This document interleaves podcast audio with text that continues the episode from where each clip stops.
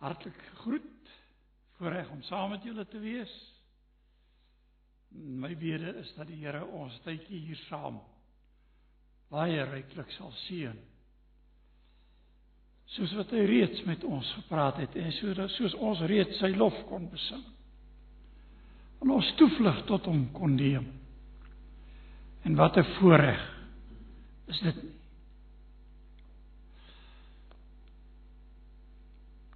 Nou ek het 'n uh, redelike tyd stil gestaan by 'n onderwerp met die geleenthede wat ek hier was oor die doop. En ek onthou iemand het die vorige keer gesê, "Sjoe, dis moeilik." En wie hulle wat vir 'n vertroosting om van daardie kant af en dit was oor die doop en die verbond wil ek net 'n staaltjie vir julle vertel. 'n Jong man het tot bekering gekom in die FSA om laat doop baptis geword, was geroep tot die bediening. Hy het gaan studeer en sy studies voltooi en hy's getroud. En hy was predikant. Baie geseënde bediening. En toe begin hy worstel oor die hele kwessie die doop en die verbond. En uiteindelik toe besef hy net hy's verkeerd. En hy bedank toe. Gaan toe na die Presbyteriaanse kerk. Word daar leraar en 'n wonderlike geseënde bediening daar ook gehad. Maar nou worstel hy steeds met hierdie kwessie van doop en verbond. Ek sê dit net om julle te troos. Om te sê as dit vir jou moeilik was, moenie sleg voel nie. En hy kom opnuut onder onder die oortuiging van doop van gelowiges. En hy het op 'n baie netjies en 'n mooi manier afskeid geneem van sy presbiteriaanse gemeente en hy is terug baptiste toe en weer daar 'n leraar geword. En sy vrou sê toe vir hom iets baie interessant. Sy sê, "Weet jy, ek het jou ondersteun in die bediening. En toe jy oorgegaan het presbiteriaanse kerk toe en nou weer terug, maar ek wil vir jou sê, die argumente wat jy destyds aangevoer het. Toe jy weg is by die baptiste verstaan ek vandag nog nie. Sy sê dis net vir teoloë bedoel. So ek uh ek troos julle met hierdie woorde, maar julle is welkom om my te kontak en met my te praat as julle weer daaroor wil praat. Maar vandag gaan ek na 'n heel heel ander onderwerp. So bekende onderwerp dat ek dink meeste van ons wat hier sit dalk hierdie gedeelte uit ons kop uitken. Nou vir die ouer garde, ek doen vandag geguns vir julle ek preek uit die ou Afrikaanse vertaling. Uh die jonges sal dit dalk nou nie so waardeer nie. Maar nietemin daar's 'n bepaalde rede en julle sal agterkom waarom ek dit so doen. Maar voordat ons saam lees uit Matteus hoofstuk 5. Evangelie volgens Matteus hoofstuk 5. Dis waar ons gaan lees. Kom ons bid saam. Baie dankie Here vir 'n wonderlike voorreg soos hierdie om so as u kinders saam te kan wees. Saam rondom u woord, saam te kan nadink oor dit wat u vir ons nagelaat het, u woord wat U aan ons gegee het. U woord wat altyd vas staan. Onwankelbaar. En dankie dat hierdie woord vir ons dui op die groot en almagtige God wat ons aanbid. Waarvan ons vanoggend gesing het. Ja, vir Jesus Christus wat na hierdie wêreld gekom het. Mens geword het. In elke opsig soos ons vanmôre hier. Dankie dat u die oorwinning behaal het, want die woord sê hy's versoek net soos ons, maar sonder sonde. Dat hy die wet vervul het. Dat hy sy lewe gegee het. En dat ons vanmôre kan lewe omdat hy ons lewend gemaak het in Christus Jesus. Ons aanbid U. Ons dankie vir die wonder van U genade. Ons dankie vanmôre vir die gemeenskap van gelowiges. Dat ons hier by een kan wees. En die wete dat U die trooster gestuur om vir ons in die hele waarheid te lei. Daarom bid ons dat U ons oë sal open. Ons verstand sal verhelder. En dat ons sal hoor wat U woord vir ons sê. En ek bid Here dat U by die prediking hiervan dit ook sal drywe deur u gees. Dat dit in gees en in waarheid mag kom. Ons bid Here vir elke lidmaat hier. Hulle wat hier is, hulle wat in hierdie tyd nie hier is nie. Ons dra almal aan die op. Dink aan hulle wat siek is. En ons bid vir die pad vorentoe. Daar's min van ons wat nie worstel met vrae nie. Daar's min van ons wat nie maar vol vertwyfeling is oor die toekoms nie. Maar Here, een ding weet ons. U hou ons in u hand. Want u het dit beloof. Word dan ook nou verheerlik vra dit in Jesus naam. Amen.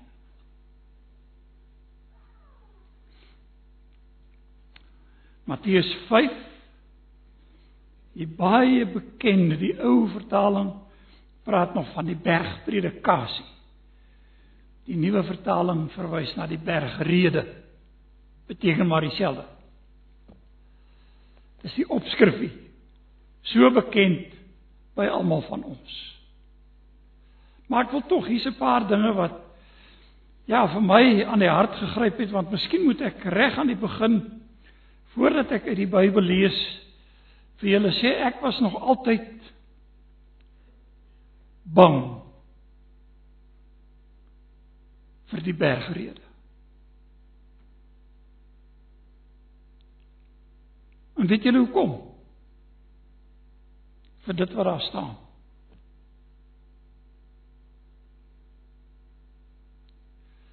En elke keer as ek dit lees, dan besef ek al hoe meer my eie tekortkominge.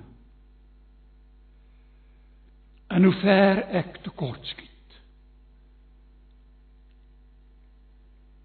Verstaan julle my bang wees? En tog is in hierdie gedeelte die wonder van die evangelie saamgevat. Lees saam met my, ek gaan net 'n paar verse lees uit Matteus 5, net die eerste gedeelte. Wat vir ons sê en toe hy, dit is nou Jesus die skare sien, het hy op die berg geklim. En nadat hy gaan sit het, het sy disippels na hom gekom. En hy het sy mond geopen en hulle geleer en gesê Salig is die wat arm van gees is want aan hulle behoort die koninkryk van die hemele. Salig is die wat treur, want hulle sal vertroos word.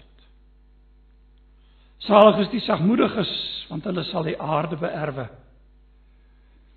Salig is die wat honger en dors na die geregtigheid, want hulle sal versadig word.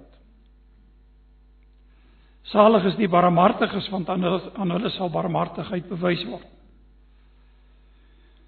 Salig is die wat rein van hart is, want hulle sal God sien. Salig is die vredemakers, want hulle sal kinders van God genoem word. Salig is die wat vervolg word ter wille van die geregtigheid, want aan hulle behoort die koninkryk van die hemele. Salig is julle wanneer die mense julle beledig en vervolg en valslik allerlei kwaad teen julle spreek om my ontwil. Verbly en verheug julle omdat julle loon groot is in die hemele. Want so het hulle die profete vervolg wat voor julle gewees het. Nou op 'n sekere manier was die bergrede nog altyd hoog aangeskrewe en bemind dwars deur die geskiedenis. Dis hoekom ek aan die begin gesê het ek het te vermoed baie van ons ken dit nog uit ons kop uit. Want ons het dit geleer, ons het dit van kleins af geleer. En ons het die waarheid daarvan miskien gedeeltelik verstaan. Want hier is soveel rykdom hierin dat ek wonder hoeveel hiervan verstaan ek werklik. Maar in elk geval so deur die geskiedenis het die hierdie bergpredikasie nogal kan ek sê 'n lydensgeskiedenis deurgaan. Aanvanklik en dit is in die vroeë kerk. Ek praat hier van 325 na Christus. In daardie vroeë era van die vroeë kerk was die bergpredikasie geweldig hoog aangeslaan. Dit was werklik die maatstaf waarna mense gestreef het in hulle lewe. Trouwens iemand het die opmerking gemaak dat die vroeë Christene was bergrede Christene. Praat nou van daardie vroeë era. En toe verander dit, toe verander die toneel want daar iemand verskyn met die naam van Konstantin. Nou ek wil julle nou nie vermoei met die geskiedenis nie. Maar wat belangrik is van Konstantin is hy het van die godsdiens van die Christelike Christelike geloof 'n staatsgodsdiens, 'n staatsinstelling gemaak. Bedoelende die ouens wat nie Christene was nie, het hy toe begin vervolg. En die prentjie het net heeltemal omgeswaai, want dit het 'n staatskerk geword. En broer en suster, wat ek nou vir julle sê, julle kan die geskiedenis gaan lees, het geweldige implikasies vir die kerk gehad. Trouwens ek sou kon sê van hier af kan 'n mens praat van die groot afvalligheid wat ingetree het. Want onthou, dit was nou veiliger om maar 'n Christen te wees as om nie een te wees nie. Jy het soort aan die regte kant gestaan as jy 'n Christen was. Maar aan die verkeerde kant as jy nie een was nie. Nou wat sou ek en jy doen in so 'n situasie? Natuurlik gerieflikheidshalwe Christen wees. Dit help in elke elke opsig. En wat gebeur met die kerk? Luister nou na hierdie woorde, die corpus Christi. Wat beteken die liggaam van Christus? Het 'n corpus Christianum geword, 'n Christelike liggaam. Broeders en susters, daar's 'n groot verskil julle hoor dit. Want ons bely vandag en as baptiste baie sterk Ons glo dat die kerk is die liggaam van Christus. En van julle sal onthou ek het by geleentheid 'n definisie van die kerk gegee en gesê dis 'n heilige gemeenskap van ware gelowiges in Christus Jesus. Dis 'n definisie van die kerk. Nie 'n Christelike liggaam nie. Maar liggaam van Christus. Daar's 'n groot verskil. En as julle nou die geskiedenis gaan lees, sal julle sien wat was die invloed van hierdie verskil op die kerk deur die eeue.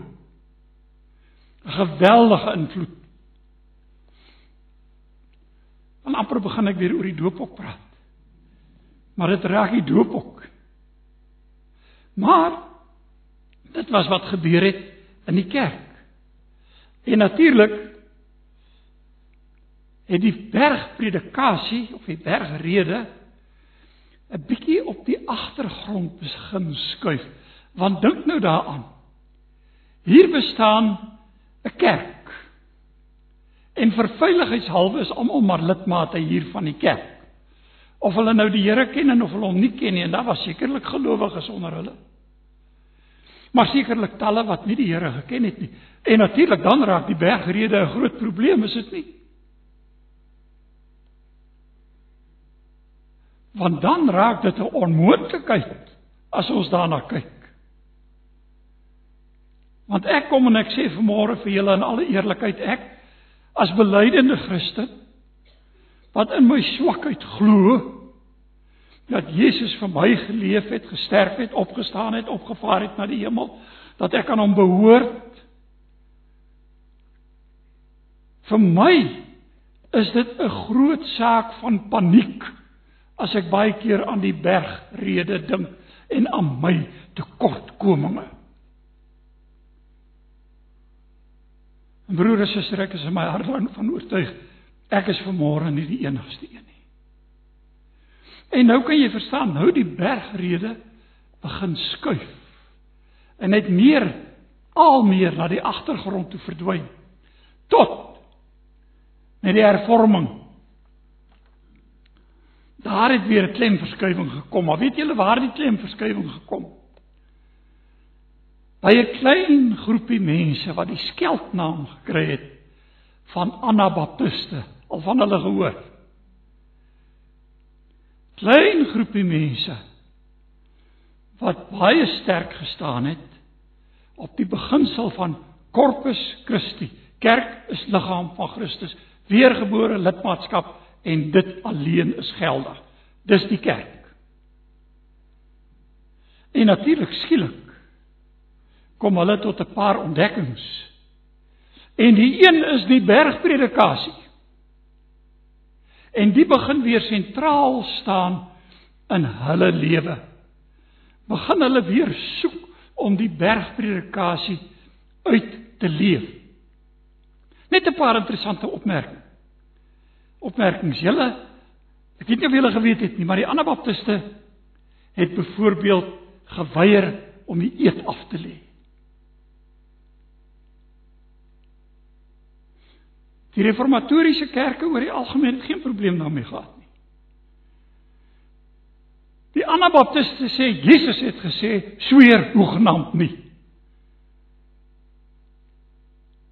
En die Anabaptiste het op grond daarvan nie die eed afgelê nie, geweier om dit te doen en in groot moeilikheid gekom want hulle is is as staatsvyandig beskou.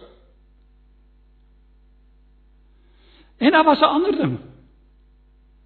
Wat het Jesus gesê as een nie op die een wang klap dan draai jy die ander wang.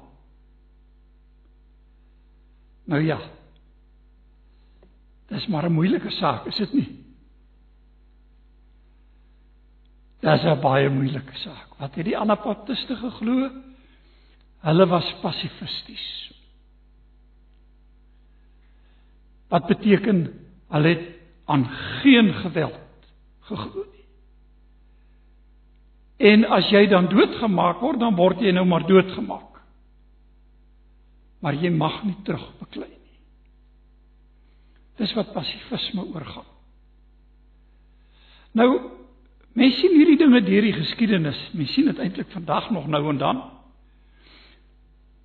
Is dit nogal redelik algemeen? Uh standpunt ingeneem, nie formeel teen die aflê van die eed.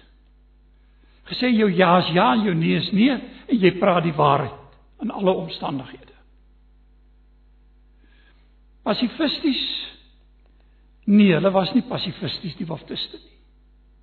Met ander woorde, as omstandighede dit sou vereis, uh dan sou geweld dan toelaatbaar wees. Ek sê nou maar net hoe die dinge verander het met die geskiedenis en wie reg is en wie verkeerd is, gaan ek nou nie uitsluit oor gee nie. Ek probeer vir julle wys hoe dan die bergrede deur die geskiedenis heen invloed uitgeoefen het in my eie lewe op so in so 'n mate dat ek bang was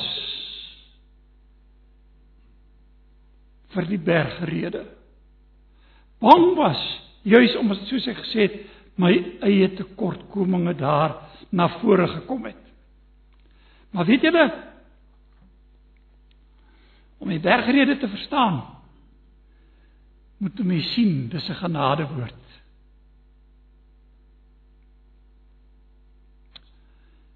En die oomblik as jy sien dis 'n genadewoord. Dan sê jy dankie Here vir die bergrede. En hier staan ek vanmôre voor u met al my gebreke, met al my tekortkominge. Wees u my naby. Is dit nie waar nie? Is dit nie die plek waar ons behoort te wees elke dag van ons lewe daaraan herinner te word.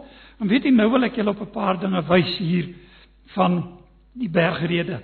As ons nou nader bietjie meer tegnies sou kyk na hierdie gedeelte wat ek vir julle voorgeles het, dan sal julle sien die eerste 8 saligsprekinge sê almal salig is die wat arm van gees is want aan hulle behoort Almal hulle. Derde persoon meer weervoud. En elkeen begin met die bysin want. Want aan hulle, want aan hulle. En dan die laaste 4. Die is weer die 9de uh, eh, nee die 9de uh, saligspreking is weer in die tweede persoon meervoud en verskillende struktuur van die eerste 8 en vorm daarom 'n oorgang na die volgende gedeelte wat die hele predika bergpredikasie insluit. Nou wil ek hê julle moet nou mooi saam met my kyk. Hoe begin die bergpredikasie? Met watter gesag kom hierdie woord na ons toe vandag? Luister hier. En toe hy Jesus die skare sien. So wie's aan die woord? Jesus is aan die woord. En toe hy die skare sien, het hy op die berg geklim En nadat hy gaan sit het, het sy disippels na hom gekom. En hy het sy mond geopen. Hierdie mond geopen sien ek nog in my verbeelding my dosent toen homiletiek. Hy sê toe Jesus gepraat het, het hy sy mond oopgemaak. Sy mond geopen, dit was nie onduidelik en 'n onderlaase gemompel nie. Nou of die eksegese reg was, weet ek nie, maar ek onthou dit tot vandag toe want hy het sy mond oopgemaak. Maar weet julle wat is interessant? Jy al mooi daaraan gedink. Wat gebeur met Moses toe die volk uitgetrek het uit Egipte? Toe kom hy by die berg Sinai.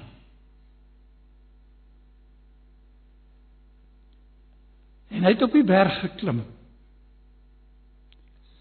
En daar het God met hom gepraat en aan hom die wet gegee.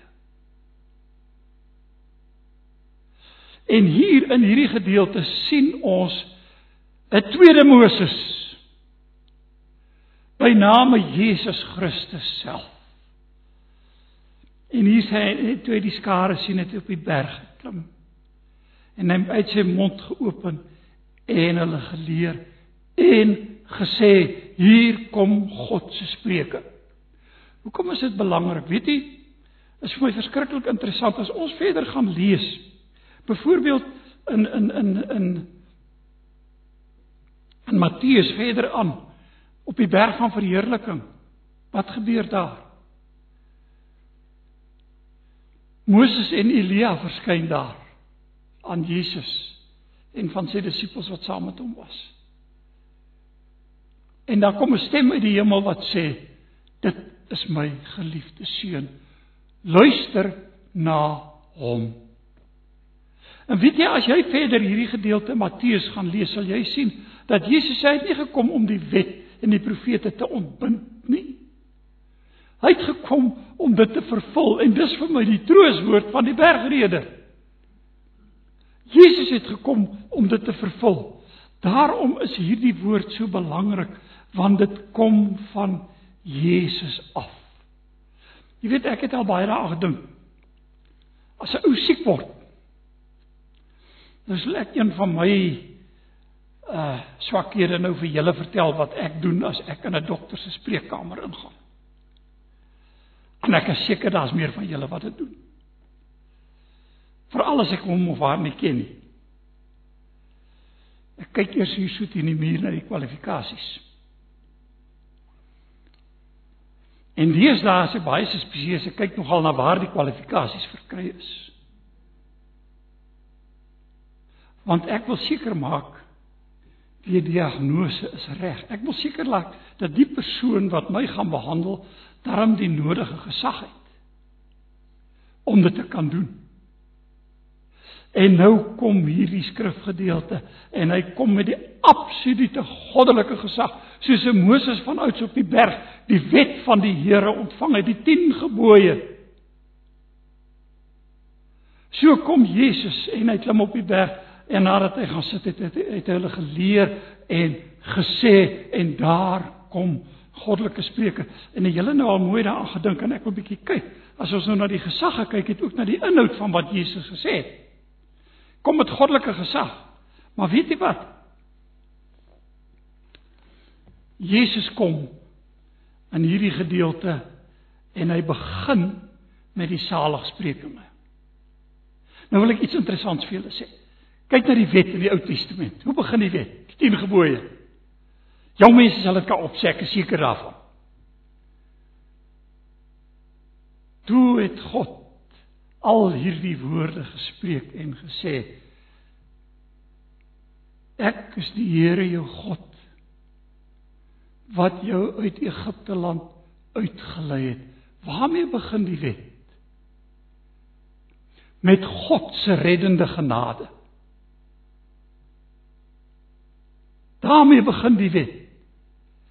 Ek is die Here jou God wat jou uit Egipte land uitgelei het en dan kom die wet.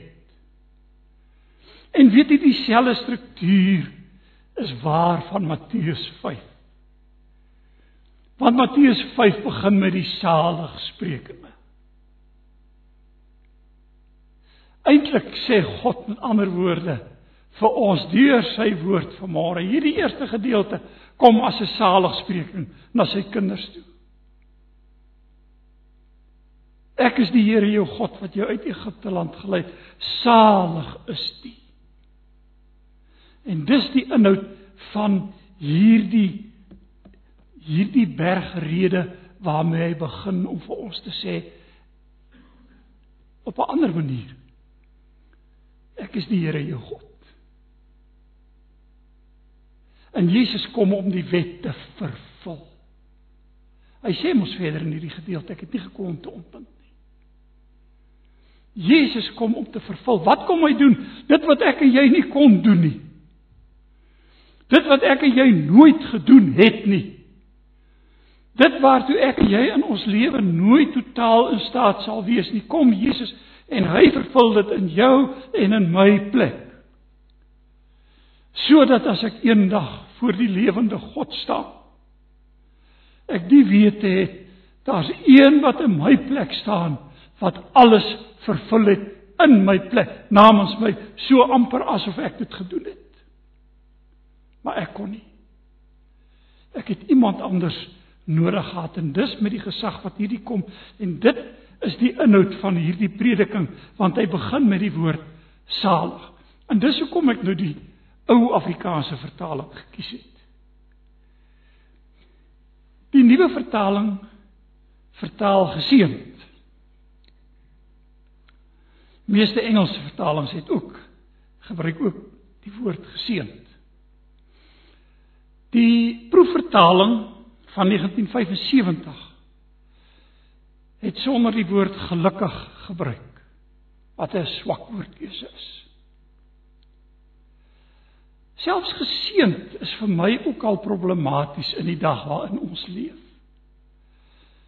Want jy kan hoor hoe dat in sekulêre terme die woord geseënd gebruik word met geen verwysing dat God enigiets daarmee te doen het. Ek is geseënd beteken ek het dit goed getref. Dis hoe die woord gebruik word. Natuurlik is dit nie hoe die Bybel die woord gebruik nie. En daarom hou ek van die ou Afrikaanse vertaling, want dis wat die woord wat hier gebruik word beteken, salig. En weet jy wat? Salig kan geen mens vir my sê salig nie.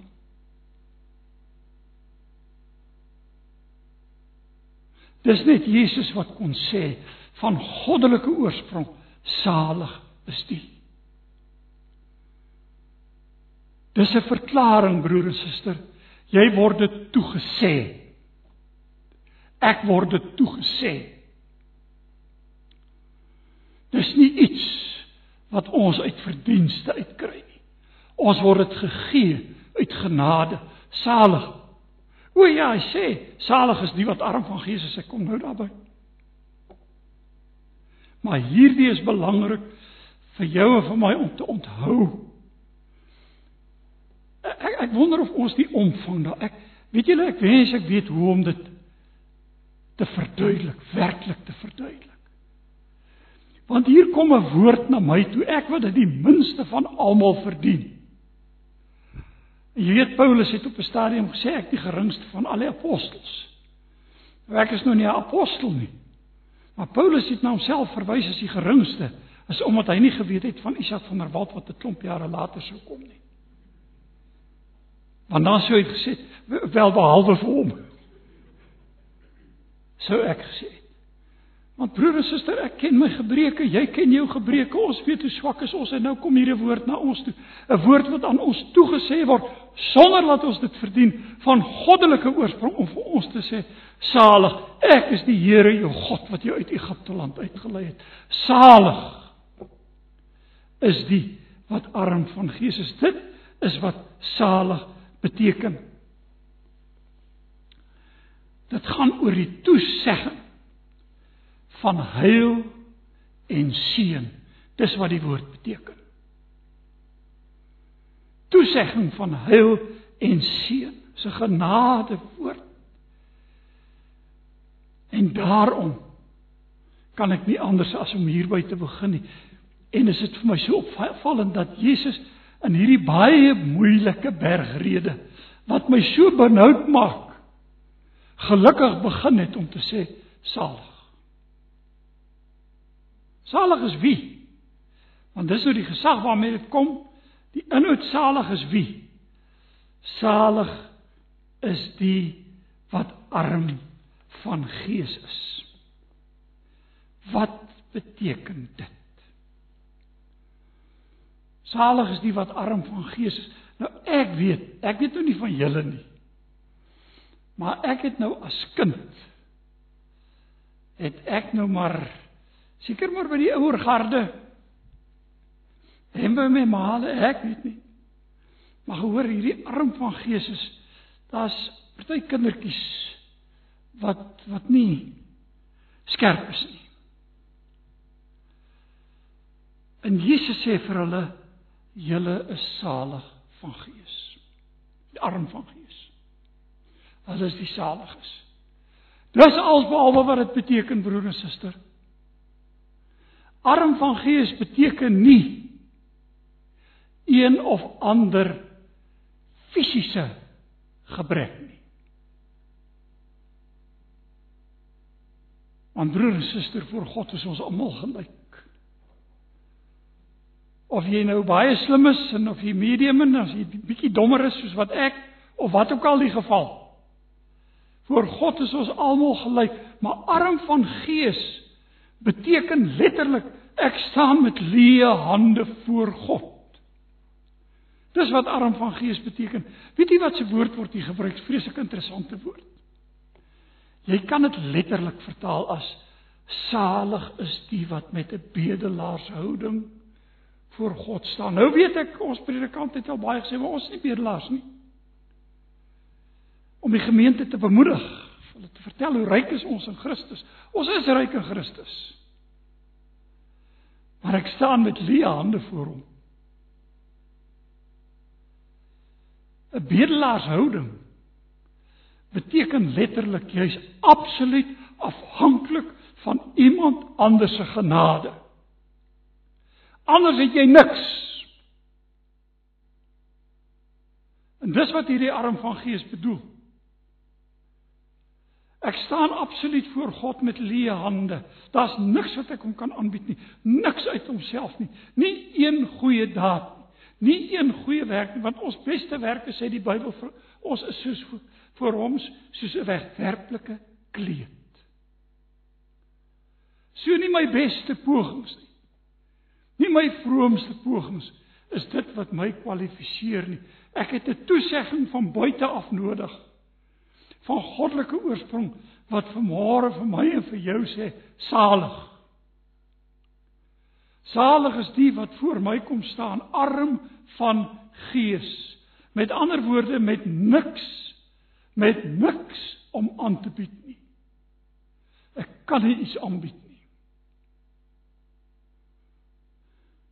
Dis hoe ek voor God staan. En dis wat arm van gees bedoel bedoel. Ons kan nie anders as om met leë hande voor God te gaan staan nie. Dis hoe ons voor hom staan. En dis die enigste manier wat ons voor hom kan staan. So arm van gees, daar's geen selfstandigheid Dis die voorwaarde. Die voorwaarde om voor God te gaan staan. Nou ek het iets gelees wat ek met julle wil deel wat en dis nou iets wat ek gelees het in my voorbereiding. Wat my so aan die hart gegryp het. Jong, nou dat mense ouer word. En ek het dit al baie vir julle gesê. Nou leer jy jou ken. En le, jy leer jouself ken en die illusies verdwyn. Jy weet daar's eintlik niks meer wat jy kan wegsteek nie. Jy is wie jy is. En dan kom hierdie bergrede en dan raak ek paniekerig. En toe lees ek hierdie ding. Baie interessant. 'n Preek van Hughes, Kent Hughes wat hieroor gepraat het. En hy het aangehaal, hy sê arm van gees is noodsaaklik vir my redding. daarmee stem ons nou saam want ek staan leë hande voor God nie waar nie. Ek het niks om aan te bied nie. So, arm van gees is noodsaaklik vir my redding, maar weet jy dis ook noodsaaklik vir my geestelike groei. En ek het nooit so daaraan gedink nie. Hy sê dit in die boodskap en toe wonder ek daaroor. En hy noem dit toe. Hierdie selfde ding waaroor ek nou praat. Wat hy sê omdat ons soos wat ons met die pad vorder en aangaan al hoe meer ons tekortkominge besef. En hoekom? Kan jy glo dis omdat God vir jou gesê het salig? Is die wat arm van gees is. En nou kan ek kom. En dankie sê vir my paniek as ek Matteus lees. Want skielik besef ek hoe afhanklik ek van God is. Skielik besef ek Daar is niks waarop ek op eie gronde kan staan nie. Ek staan voor God in absolute totale afhanklikheid en om dit elke dag, elke oomblik te besef in elke situasie. Dis wat nodig is vir ons pad. Want nou sê Jesus in hierdie gedeelte: Salig is die wat arm van gees is. Nou ons is dit nederigheid in afhanklikheid. Ja niks, niks, niks wat ons kan gee kan enigsins bydra nie. Onthou julle die ou haleluja lied? Ons het hom baie gesing vroeër jare. Ek kan nou nie nie eers onthou by hy begin nie, maar ek onthou hierdie spesifieke woorde. Nie jou trane gebede bekering berou. Maar sy bloed werk verzoening vir jou. So dis nie eers my trane nie. Nie eers my gebede nie. Nie eers my bekering nie, nie eers my berou nie, dis sy bloed werk verzoening vir jou. Natuurlik het ek berou oor my sonde. Natuurlik is ek elke dag jammer oor my mislukkings. Maar broer en suster, ek het hierdie troos. Hy sê salig is die wat arm van gees is. En dan kom die woordjie want. Net enkele gedagtes daaroor. Want aan hulle behoort die koninkryk van God. Nou weet jy hierdie salig is 'n saligspreking nou reeds hier. Want aan hulle behoort die koninkryk van God. Is dit nou net toekomstig? Nee. Nou reeds, want waarvoor staan koninkryk van God? Weet jy 'n ander manier om dit te vertaal is om te sê God regeer. Dis waarvoor koninkryk van God staan. God is in beheer, God regeer. O ja, as ek na die wêreld rondom my kyk en ek kyk na al die goed wat aan die land aan die, in ons land aan die gang is en ek kyk na al die moord en doodslag en al die dinge dan staan ek verslae dan sê ek waar gaan ons heen? En ek dink dis maar waar van almal van ons. Maak nie saak wie en wat ons is nie. Maak nie saak wat ons kleur is nie. Ons is bekommerd. Maar weet jy ten spyte van dit weet ek een ding, God regeer. En al sien ek dan dit ook nie nou nie, sê Hebreërs, sien ek Jesus wat oorwin het. Gaan lees maar weer Hebreërs. Ek sien Jesus wat oorwin het. God regeer. So salig is die wat arm van gees is want aan hulle aan hulle behoort die koninkryk van God nou hier in die hede ek staan onder God se heerskappy. Hy voer heerskappy nou hier oor jou en oor my lewe. En natuurlik Jesus het dit by geleentheid gesê. Onthou julle toe hy duiwels uitgedryf het? Toe sê hulle mos hierdie oors van die duiwels dryf hy duiwels in Matteus. Dryf hy die duiwels uit. En toe sê Jesus se koninkryk wat teen homself verdeel is, kan nie voortbestaan nie. Onthou julle dit? En toe sê hy die ander woorde ook. As ek deur die gees van God duiwels uitdryf, het die koninkryk van God by julle, of hy sê net het die koninkryk by julle gekom. Matteus praat van koninkryk van die hemele en dis natuurlik net 'n eerbiedig 'n eerbiedsvorm.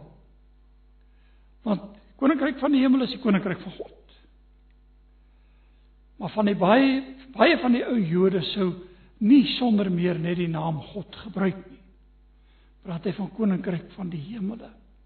En wat sê Jesus? As ek deur die gees van God duiwels uitdryf, nou hier wat hier voor julle gebeur het, dan het die koninkryk by julle gekom. So is teenwoordig in Jesus Christus. En dan leer Jesus ons bid net 'n entjie verder in Matteus. Laat u koninkryk. So hy's teenwoordig en hy's toekomstig. Daar kom 'n dag wanneer hy weer kom. En nou jy het al van myself se gehoor. Nou dat ek ouer word. Nou begin ek saam met Johannes sê kom Here Jesus. Ja kom haastig. Toe ek jonger was, was ek 'n bietjie bang om so te bid. Want ons kyk uit na 'n nuwe hemel en 'n nuwe aarde. Wie kyk uit daarna? Salig is die wat arm van gees is. Wat met leë hande voor God staan, dit voor hom erken, want aan hulle behoort die koninkryk van God. Salig. Is dit nie 'n salige gedagte nie? Is dit nie 'n salige woord nie?